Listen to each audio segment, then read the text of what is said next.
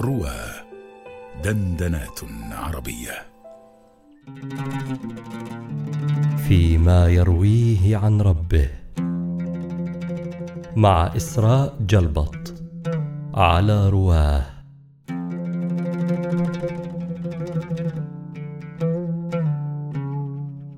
عن أبي سعيد الخدري رضي الله عنه قال قال النبي صلى الله عليه وسلم إن الله يقول لأهل الجنة يا أهل الجنة فيقولون لبيك ربنا وسعديك والخير في يديك.